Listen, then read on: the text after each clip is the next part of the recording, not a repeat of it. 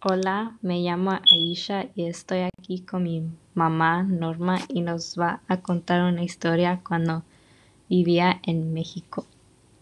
Ah, una historia que quiero compartir con ustedes es lo difícil de, de la separación de padres e hijos cuando tienen que venir a buscar su sueño americano.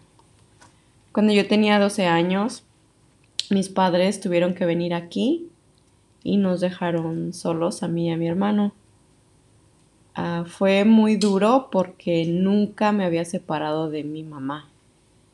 Entonces, era la, la etapa de la adolescencia cuando uno más necesita a sus padres. Y en este caso me tocó pasarla sola, viviendo con unas tías. Ah, fue algo triste y difícil,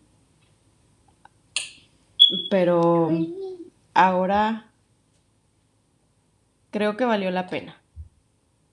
Ah, estoy aquí, soy feliz, vivo con mi esposo, mis hijos, tengo a mis papás aquí.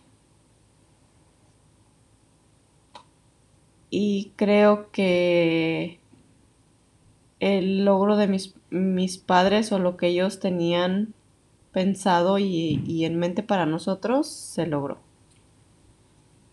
Somos un ejemplo de que sí se puede lograr el sueño americano. Ok. Ahora te voy a preguntar unas preguntas. Si tú, si te pusieran el mismo lugar que, que tu mamá, ¿qué, qué habías hecho? Mm, eso es una respuesta a una pregunta muy difícil y da paso a diferentes respuestas. En lo personal, yo no los dejaría. Soy muy apegada a mis hijos y nunca los dejaría solos. ¿Cuánto tiempo viviste en México sola? Tres años.